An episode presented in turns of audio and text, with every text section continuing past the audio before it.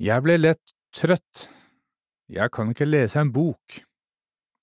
Dette kan jeg kjenne meg godt igjen i. Og i denne episoden av podkasten Slagpappa skal vi bli nærmere kjent med overlege Georgios Blakos, som jobber ved geriatrisk avdeling på OUS, Aker sykehus.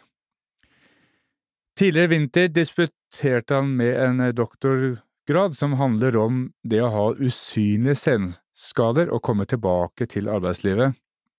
Og han mener at skjulte senskader etter hjerneslag er mye mer enn det vi kan se eller forstå, og oppfordrer helsepersonell til vi må bruke mer tid på å snakke med pasientene og familiene deres. Slagpappa. En podkast om familielivet etter hjerneslag.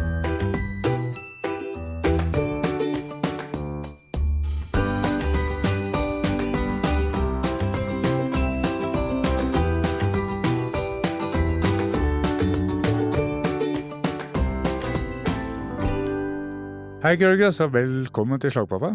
Hei, Martin. Tusen takk for invitasjonen. Det vi særlig skal komme inn på, det er at eh, unge mennesker kan også få hjerneslag. Og det hadde ikke jeg tenkt så mye på da jeg selv fikk hjerneslag, da jeg var 41 år, men unge mennesker kan altså få slag. Ja, det stemmer. Ut ifra data fra hjerneslagregisteret i Norge er det ca. 730 eller 750 pasienter så under 54 år som får eh, hjerneslag eh, i året. Og det utgjør ca. 80% av eh, alle slagrammede. I doktorgraden din, som du disputerte med her tidligere i vinter, så har du kartlagt 117 personer i alderen 18 til 70 år med mildt hjerneslag, og som før slag var kognitivt helt friske. Og kartleggingen ble gjennomført ved to norske sykehus over en periode på to år ved tolvmånederskontroll etter slag. Hva er kognitive senvirkninger etter slag, kan du si noe om det, Gørgo? Det kan være vanskelig med det som vi kaller for kognitive funksjoner, det vil si, eller for eksempel oppmerksomhet, innlæring, hukommelse, språk, evne til å orientere seg i rom og retning, og det som vi kaller for eksekutiv funksjon, det vil si evne til å planlegge og gjennomføre en viss handling innen bestemt tid. Mm. Akkurat den eh, svikten i eksekutiv funksjon, eller eksekutiv svikt som vi kaller det, det er eh, det kognitive funksjonen som blir mest rammet etter et hjerneslag. Mm. Men altså, nå må jeg finne disse skjulte utfallene. Altså, jeg brukte jo flere år på å skjønne disse skjulte utfallene selv, altså hva jeg hadde, for jeg har jo gått den løypa med at jeg lettere har blitt sint, at eh, et av de første begrepene jeg brukte, var det jeg kalte sosial støy. Eh, hvis for mange snakket samtidig, så, så ble jeg utslitt på null komma niks. Jeg kan prøve å si litt om hvordan man kan finne ut av det, hvordan, hvordan man kan kartlegge hva man har, og, og, og så kanskje hvorfor man har det òg. De fleste studier, men også legen i hverdagen sin, bruker mange tester og, og spørreskjemaer. Mm. Men eh, jeg syns at eh, det viktigste er å spørre pasientene Mm. og pårørende Mm. hvordan de har det hjemme, hvordan de har det utenfor sykehuset. Mm. Sykehus er et sted hvor eh, det er ikke så mye som skjer. Man ligger i en seng, jeg snakker med fysioterapeut, ergoterapeut, alle passer på at pasientene har det fint. Mm. Men det som er det mest utfordrende, er det som skjer utenfor sykehuset, det vil si etter utskrivelse. Mm. Og det er to ting. Eh, Til å begynne med bør både pasientene og pårørende bli informert at sånne utfall kan forekomme. Og når pasientene og pårørende kommer til kontroll, da må man, både leger og sykepleiere og fysioterapeuter og ergoterapeuter, spørre konkret pasienten. Hvordan har du det hjemme? Mm. Sliter du hverdagen? Hva er det du sliter med? Blir du fort sliten? Er det lettere for deg å gråte og le? Er det noe annet som plager deg? Mm. Så for å si det litt banalt, er det sånn, eller kan det være sånn, at eh, hvis man har problemer med å planlegge, er det da sånn at en slagrammet kan ha vanskeligheter med å gå på butikken og handle mat? Absolutt, det kan være det. Ja. Eller det kan ha det vanskelig med å bruke sin mobiltelefon, Mm. eller å lage middag, Mm. eller å følge en oppsk et oppskrift Mm. eh, til å lage middag. Mm. Mm. Og også det som også snakker om her, altså det å, snakke med andre mennesker eh, og følge med i en samtale, er det også en form for kognitiv senskade? Det kan også være det, Mm. men det kan også det som vi kaller for oppmerksomhet. Mm. At de har redusert evne til å forholde seg til flere mennesker samtidig. Mm. Mm. Og bytte fokus fra en situasjon til en annen, eller fra et tema til en, en annen tema, eller fra en person til en annen person. Og så det er mange pasienter som har problemer med konsentrasjon. Ja. Å lese en bok, eller se en film. Mm. Det er mange som blir slitne etter bare å ha sett uh, en film på en halvtime. Ja. Da kan de ikke fullføre resten, så de må ta og de må hvile. Men altså, for å, for å prøve å forstå hva som foregår oppi hjernen da, altså Det at man ikke klarer å konsentrere seg om en film, eller å lese, eller være med i en samtale, hva er det som har skjedd oppi hjernen som gjør at man ikke klarer det like bra som før? Hvis det er mulig å si det på en litt enkel måte. Rett og slett at det er eh, nervebanene oppi hjernen Mm. har blitt eh, brutt. Mm. Og det tar litt tid til eh, at hjernen får finne nye omveier og snarveier fra det ene, fra det ene stedet i hjernen til et annet. Mm. Ok, så altså det er ulike områder i hjernen som da må måtte fungere sammen da, for at man skal klare å konsentrere seg eller å snakke. og- Absolutt, ja. Ja. Mm. Og så sier du at, eh, at til at hjernen kan klare å finne nye nervebaner, er det sånn at hjernen kan bli bra igjen på et vis? Absolutt, Mm. det kan det gjøre. Og hvordan skjer det? Som sagt, de det finner Eller hjernen er flink til å reparere skaden selv. Ja. Men det er vanskelig å si hvor lang tid det kan ta. Mm. Hos noen pasienter kan ta kortere, og hos noen andre lengre tid. Mm. Jeg tror ikke at vi som lege skal spekulere og komme med en konkret prognose at du Nei, nei. eller slagrammet skal bli frisk på et Nei, år. Det er vanskelig å si, ja. fordi det kan ta kortere tid. Men det kan også ta litt lengre tid. Altså, hva er det som på en måte gjør at det for noen tar kort tid, for andre tar lang tid? Det kan være mange årsaker. Det kan være både vet ikke, genetikk, hvor stresset stressede de er i hverdagen, Mm. om eh, de hviler seg og de bruker tid til å hvile seg eller ikke, om de bruker tid til å trene eller ikke, eh, hva slags trening, om det er bare fysisk eller både fysisk og kognitiv trening. Mm. Eh, Det er vanskelig å si. Mm. Mm. Mm. Ok, men altså for å måte prøve å si noe uten å konkludere for mye, men, men altså det Til en viss grad, mye eller lite, så er det mulig å trene opp hjernen til et visst nivå, uh, mer eller mindre. Ja, jeg syns si. det. Ja, ja. Slagpappa. Det er jo sikkert mange som har hørt om fatigue. Uh, hva er fatigue? For å si det veldig enkelt, det er fatigue og er det redusert utholdenhet. Mm. Og blir veldig fort eh, og lettere sliten enn før. Mm. Av å eksempel, man kan bli sliten av å lese en bok, eller å lese og se på, på mobil eller på TV. Mm. Man kan bli også sliten når man snakker med mange mennesker samtidig. Mm. Og allerede nå, ikke sant, eh, så ser vi at det kan være litt mer komplisert enn man tror. Fordi vi sa i stad at oppmerksomhet også, Mm. eh, redusert oppmerksomhet er litt sånn redusert evne til å forholde seg til eh, flere mennesker samtidig. Mm. Og det kan føre til at man blir fortere sliten, Mm. Det vil si at man eh, Det kan føre til fatigue. Mm.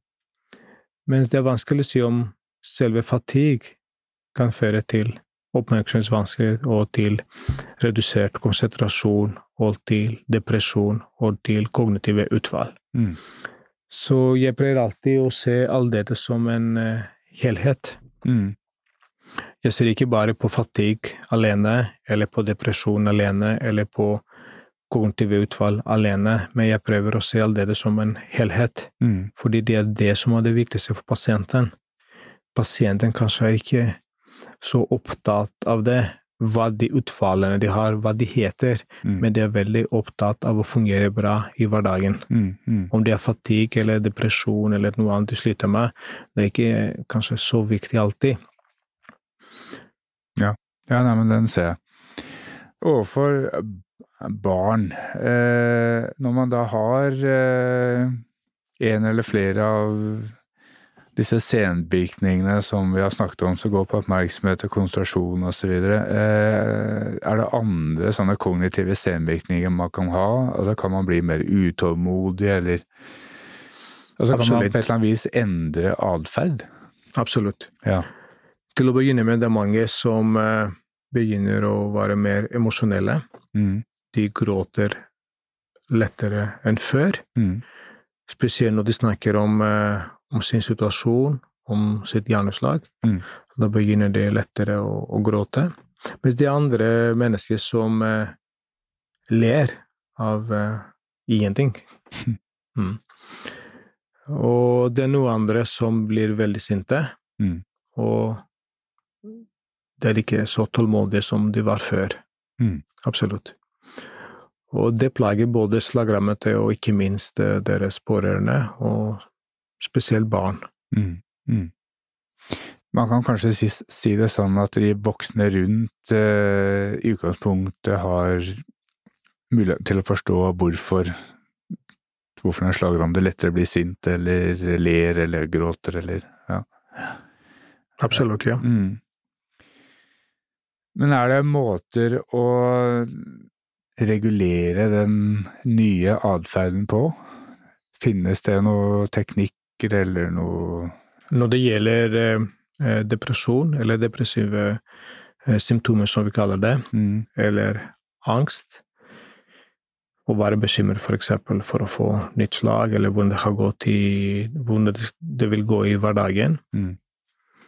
Når det gjelder også det som vi kaller for apati, det vil si mangel på motivasjon og likegyldighet, Mm.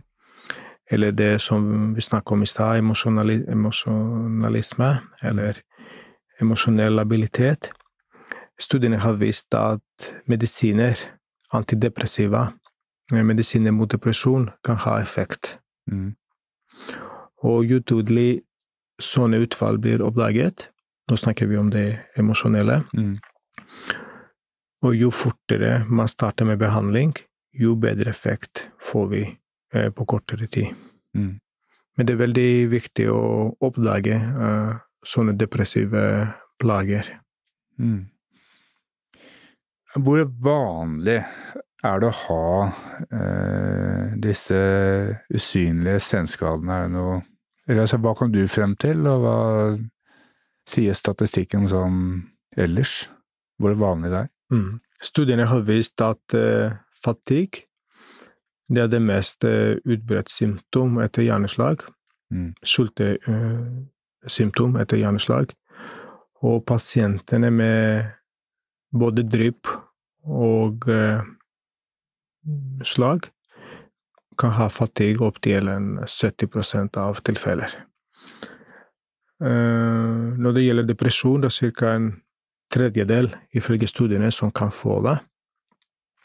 Det samme gjelder angst, mens på den andre siden, når det gjelder kognitive utfall, vansker med hukommelse og med oppmerksomhet og konsentrasjon, da er det ca. 20% som kan få det et år etter hjerneslag.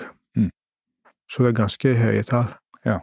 Og i min studie eh, fant vi at eh, blant de 117 eh, pasientene Mm. kun 18% ikke hadde noe kognitive eller emosjonelle utfall et år etter hjerneslag.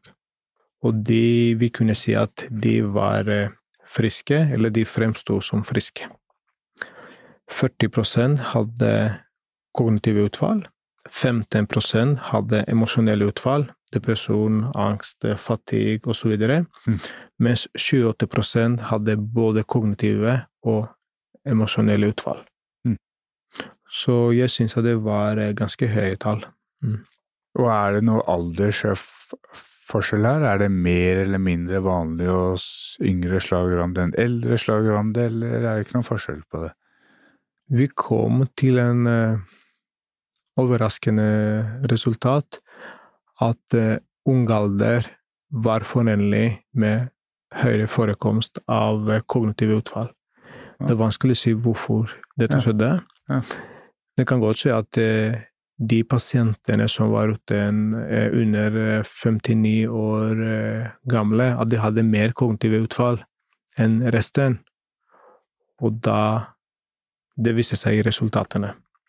Mens det er kjent fra tidligere at uh, ung alder er en faktor som kan predisponere, som vi kaller det, for både depresjon, angst og fatigue.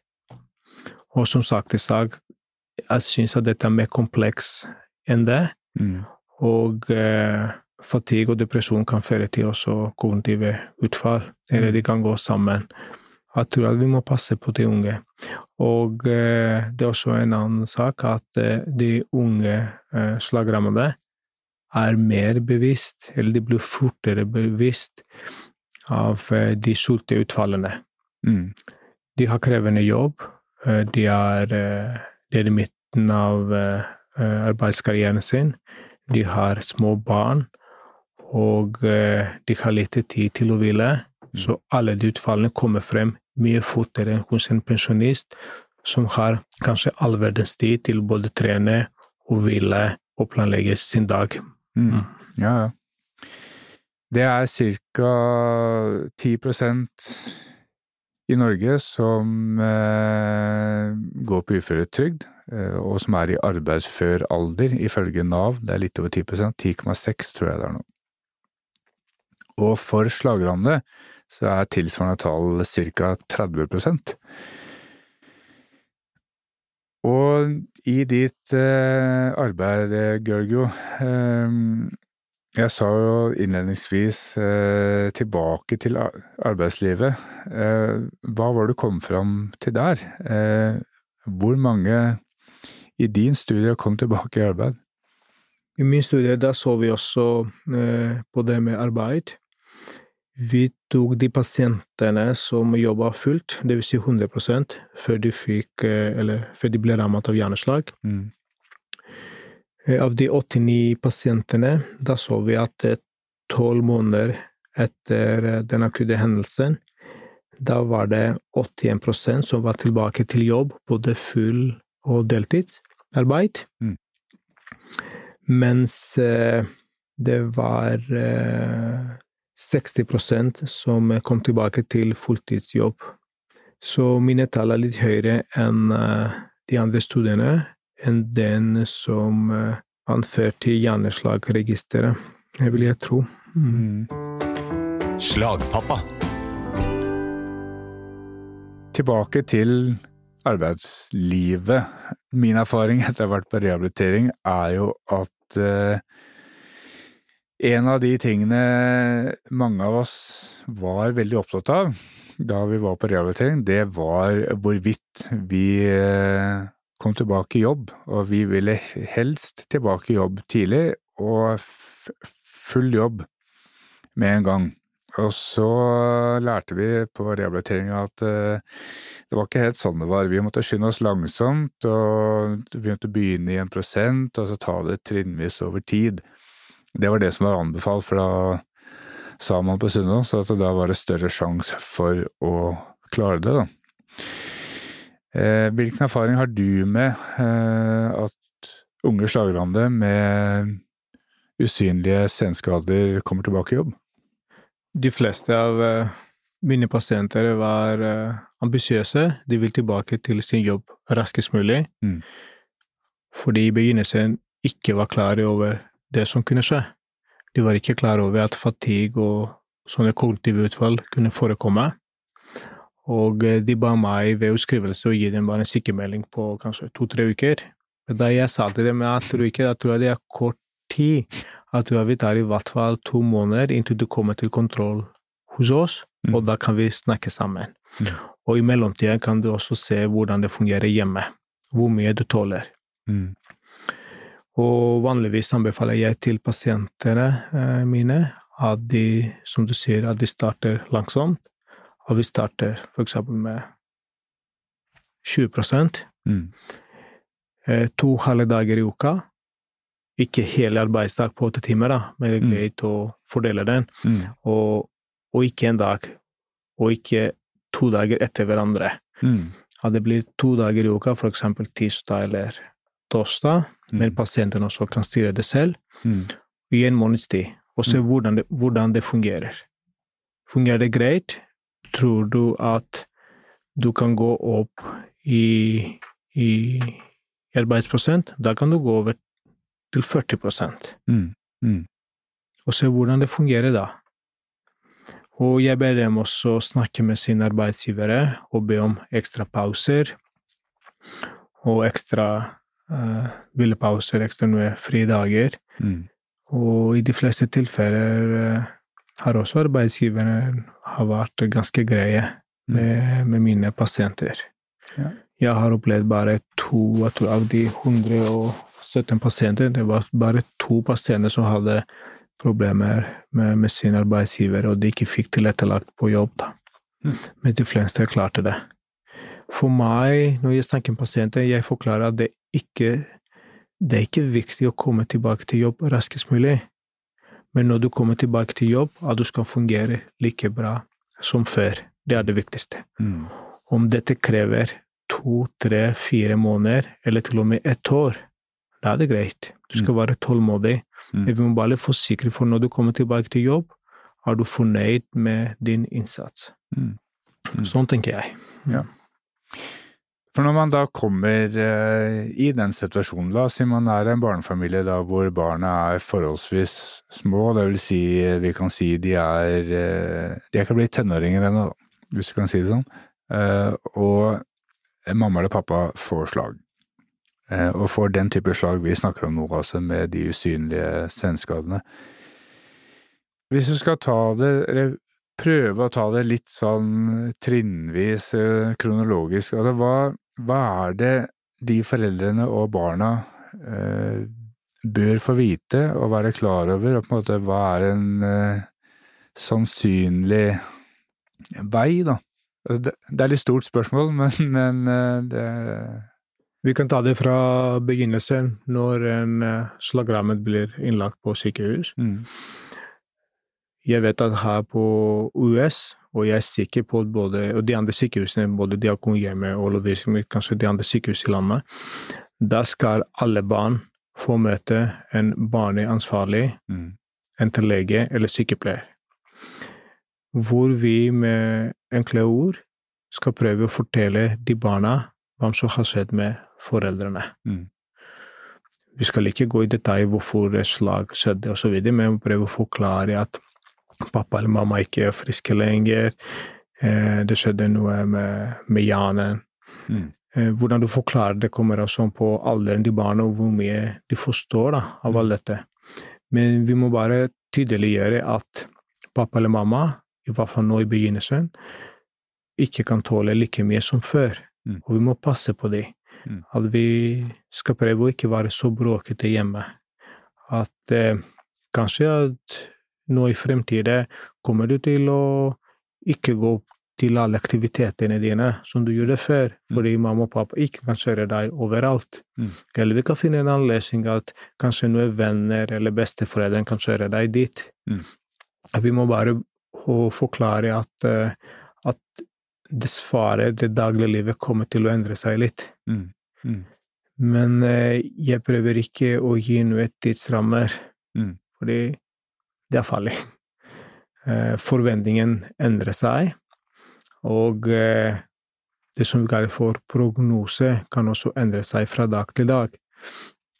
Så det er ingen som vet hvor lenge sånne eventuelle usynlige utfall kommer til å vare. Mm. Eh, alt kan være fra fra to-tre måneder opp til to, tre, fire år. Mm. Så det er Mm. Ukjent. Mm. Ja, så det er individuelt, og det har vel også sikkert noe med alvorlighetsgrad å gjøre, eller eh, Absolutt, Ja. ja. Og din erfaring med dette, hvordan, eh, hvordan er det barna reagerer på det? Hvordan er det? Jeg tror ikke at barna i helt sånn i første fase, i akutt fase, kan skjønne hvor alvorlig det er. Nei. Men jeg kommer eh, Jeg tror det kommer litt senere i forløpet, når mamma eller pappa har blitt utskrevet hjem. Mm. Og da kan de skjønne at, at ting kan endre, har endret seg.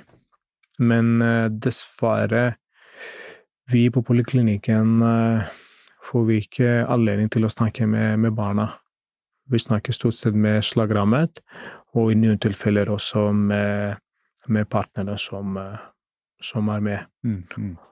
Men hvor tenker du at eh, det er forbedringspotensial når det kommer til uh, slagrammede og pårørendes møte med helsepersonell eh, når man har hatt hjerneslag? Altså, hva er det du ser liksom Her må vi ha mer, eller her må vi endre på noe, eller Den akutte slagbehandlingen har utviklet seg mye den siste, de siste årene, Mm. og fokusen har vært på det. Mm. Jeg syns at vi må være flinkere og ha også ved siden av den akutte behandlingen, og ha fokus på, på forekomst av sånne utfall. Mm. Og allerede, som vi sa i stad, ved utskrivelse fra akuttslagenheten, Mm. informere slagrammede og deres pårørende om muligheten for å få sånne utfall. Mm. Og da må vi informere, som sagt, slagrammet slagrammede og pårørende og fastleger om eh, slike utfall. Mm. Og gi konkrete beskjed til eh, eller rehabiliteringsenhetene eller rehabiliteringsinstitusjonene at eh, også slike utfall kan forekomme. Men eh, jeg ser også ut ifra det jeg leser, at eh, private eller habiliteringsinstitusjoner rehabiliteringsinstitusjoner er, eh, har mer fokus på slike utfall Mm. enn eh, selvfølgelig akutte slagenhetene og mm. fastleger. Mm.